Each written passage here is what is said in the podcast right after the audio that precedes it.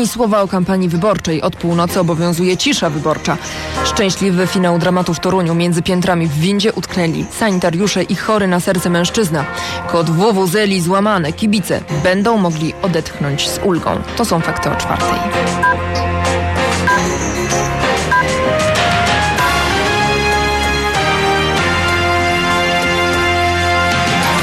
Czterech godzin nie wolno prowadzić czynnej agitacji wyborczej, czyli rozdawać ulotek, rozwieszać plakatów, nawoływać do głosowania na konkretnych kandydatów i organizować pochodów czy manifestacji.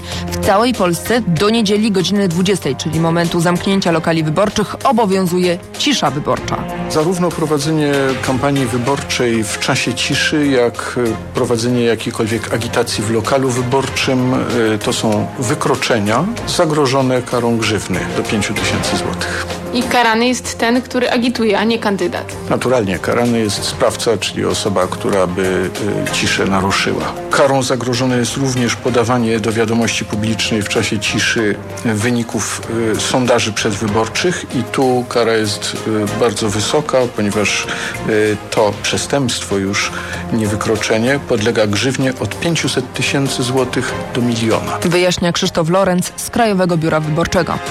Od początku lipca CBA będzie miało bardzo utrudnioną pracę. Na pewien czas może zostać sparaliżowana część postępowań i działalności operacyjnej. Powód? Upłynął termin uchwalenia nowelizacji ustawy o tej służbie. Obowiązek zmiany przepisów nałożył w zeszłym roku Trybunał Konstytucyjny, jednak nowelizacja dopiero kilka dni temu trafiła do Sejmu. Czego będą dotyczyć utrudnienia, wyjaśnia Krzysztof Zasada. Przede wszystkim zakwestionowanej przez sędziów Trybunału sprawy gromadzenia i przetwarzania danych wrażliwych, czyli m.in. poglądów filozoficznych, religijnych, orientacji seksualnej, kwestii zdrowotnych czy informacji o skazaniach albo zapłaconych mandatach. Trybunał orzekł, że gromadzenie danych osobowych musi się bezpośrednio wiązać z prowadzonymi postępowaniami, a danych wrażliwych nie można zbierać jedynie jako potencjalnie przydatnych. Brak nowych przepisów może być nie lada kłopotem dla agentów CBA, twierdzi minister koordynator spec Jacek Będzie miało e, wpływ, zwłaszcza jeżeli chodzi później o przetwarzanie, bo oni mogą, je, mogą je w trybie roboczym zgromadzić, natomiast no, oni potem prowadzą te prace e, analityczne i operacyjne. I nie będzie procedur, co robić z tymi informacjami, jak chociażby przygotowywać sprawy do sądów. Według Trybunału nieprzydatne dane powinny być niszczone. To zresztą przewiduje nowelizacja. Niszczenie tych danych ma się odbywać nie rzadziej niż raz na pięć lat. Co z tego, jeśli nowe rozwiązania wejdą najpewniej dopiero po wakacjach? Dramatyczna historia z happy endem w Toruniu. Między piętrami w bloku zatrzymała się winda i uwięziła w swoim wnętrzu mężczyznę, który doznał zawału serca i przybyłych mu na pomoc ratowników pogotowia. Na szczęście skończyło się tylko na strachu.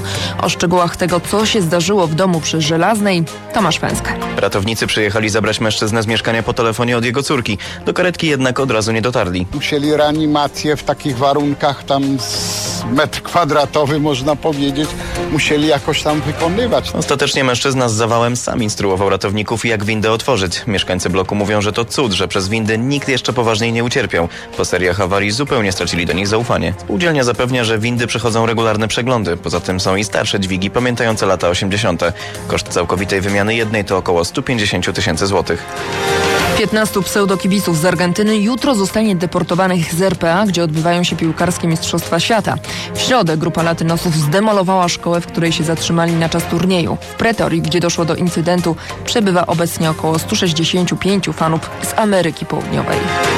Dobra informacja dla tych, którzy mają już dość wuwuzeli. Szwedzki technik złamał kod dźwiękowy szałowej trąbki.